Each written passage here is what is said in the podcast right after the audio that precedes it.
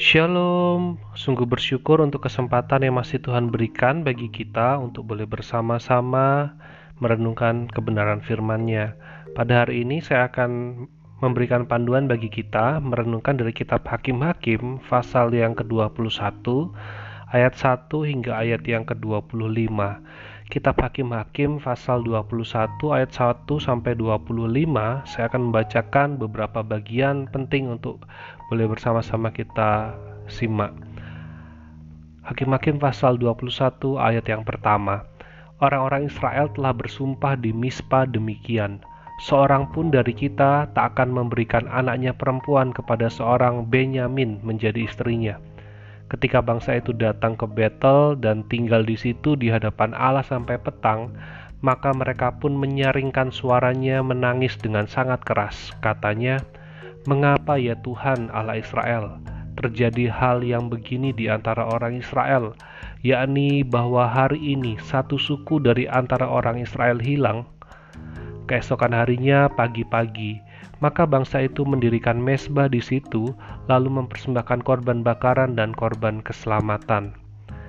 Ayat 12 Mereka menjumpai di antara penduduk Yabes Gilead 400 orang anak gadis perawan yang belum pernah tidur dengan orang laki-laki. Lalu gadis-gadis itu dibawa mereka ke perkemahan di Silo di tanah Kanaan. Sesudah itu, segenap umat itu menyuruh orang membawa pesan kepada Bani Benyamin yang ada di bukit Batu Rimon, lalu memaklumkan damai kepada mereka. Pada waktu itu kembalilah suku Benyamin, dan kepada mereka diberikan perempuan-perempuan yang telah dibiarkan hidup dari antara perempuan Yabes Gilead, tetapi belum cukup juga jumlahnya bagi mereka maka bangsa itu merasa kasihan kepada suku Benyamin karena Tuhan telah membuat keretakan di antara suku-suku Israel. Ayat 24, pada waktu itu pergilah orang Israel dari sana, masing-masing menurut suku dan kaumnya. Mereka masing-masing berangkat dari sana ke milik pusakanya. Pada zaman itu tidak ada raja di antara orang Israel. Setiap orang berbuat apa yang benar menurut pandangannya sendiri. Kitab Hakim-Hakim ini ditutup dengan kisah penyelamatan, yaitu Tuhan menyelamatkan suku Benyamin.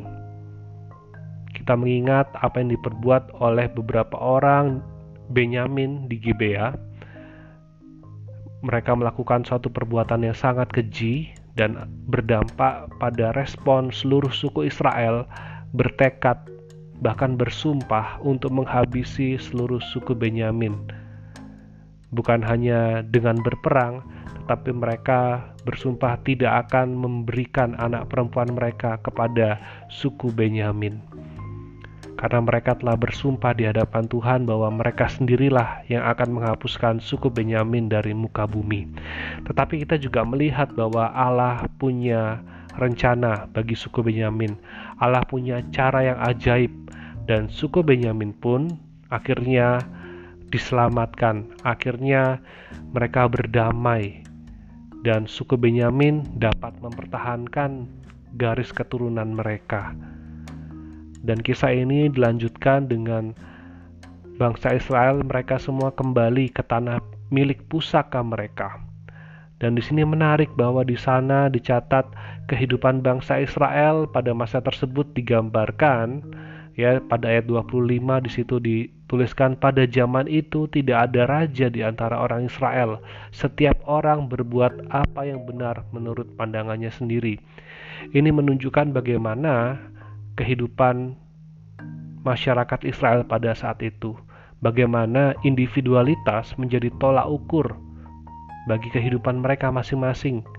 Sehingga tidak ada lagi yang benar dan yang salah. Tidak ada tolak ukur yang pasti karena mereka memiliki kebebasan, mereka memiliki kemerdekaan atas diri mereka sendiri, sehingga kehidupan Israel menjadi kehidupan yang sangat liar, tidak terpimpin, karena mereka melandaskan kebenaran pada apa yang benar menurut pandangannya mereka sendiri.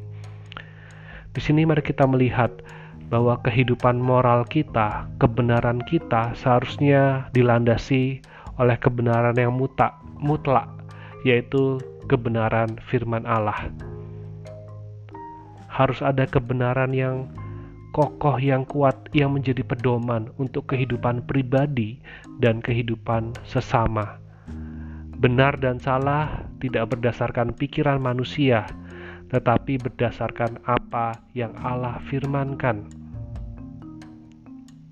Memang orang Israel ketika Musa sudah meninggal, kemudian Yosua, mereka seperti tidak ada pimpinan, tidak ada sosok. Tuhan membangkitkan hakim-hakim silih berganti ketika hakim-hakim sudah habis masanya, mereka kembali memberontak. Kita melihat bahwa individualisme berpusat pada diri sendiri hanya akan membawa kehidupan pada penyembahan berhala. Ketika berpusat pada diri sendiri, artinya menolak Tuhan sebagai yang utama dan itu yang yang menghancurkan bangsa Israel. Tetapi mari kita juga melihat bahwa di dalam keburukan dari bangsa Israel, Tuhan adalah Tuhan yang menepati janjinya. Tuhan adalah Tuhan yang setia kepada umatnya. Orang Israel kuat bukan karena mereka hebat, tetapi karena Tuhan yang memelihara dan menjaga kehidupan mereka. kekuatan Tuhan tidak membuat kelemahan kita hilang, tetapi Tuhan mau mengubahkan kelemahan kita. Tuhan mau memakai kita sehingga kita boleh menjadi pribadi-pribadi yang memandang pada Tuhan, tidak memandang atau tidak berfokus atau berpusat pada diri kita sendiri, tetapi melihat bahwa ada anugerah Allah yang menopang dan memimpin kehidupan kita biarlah kehidupan kita pada hari ini di dalam segala situasi, di dalam segala keadaan yang Tuhan izinkan terjadi, kita boleh melihat akan anugerah Tuhan. Kita tidak berfokus pada diri kita sendiri, tetapi kita boleh tunduk dan taat pada kebenaran firman Tuhan. Sehingga kehidupan kita boleh menjadi kehidupan yang dipimpin oleh kebenaran Allah, yang dipimpin oleh Allah Roh Kudus sesuai dengan kebenaran firman-Nya. Biarlah setiap kita boleh hidup terus dipimpin, terus dibaharui, terus disempurnakan di dalam kebenaran firman Tuhan. Tuhan Yesus memberkati.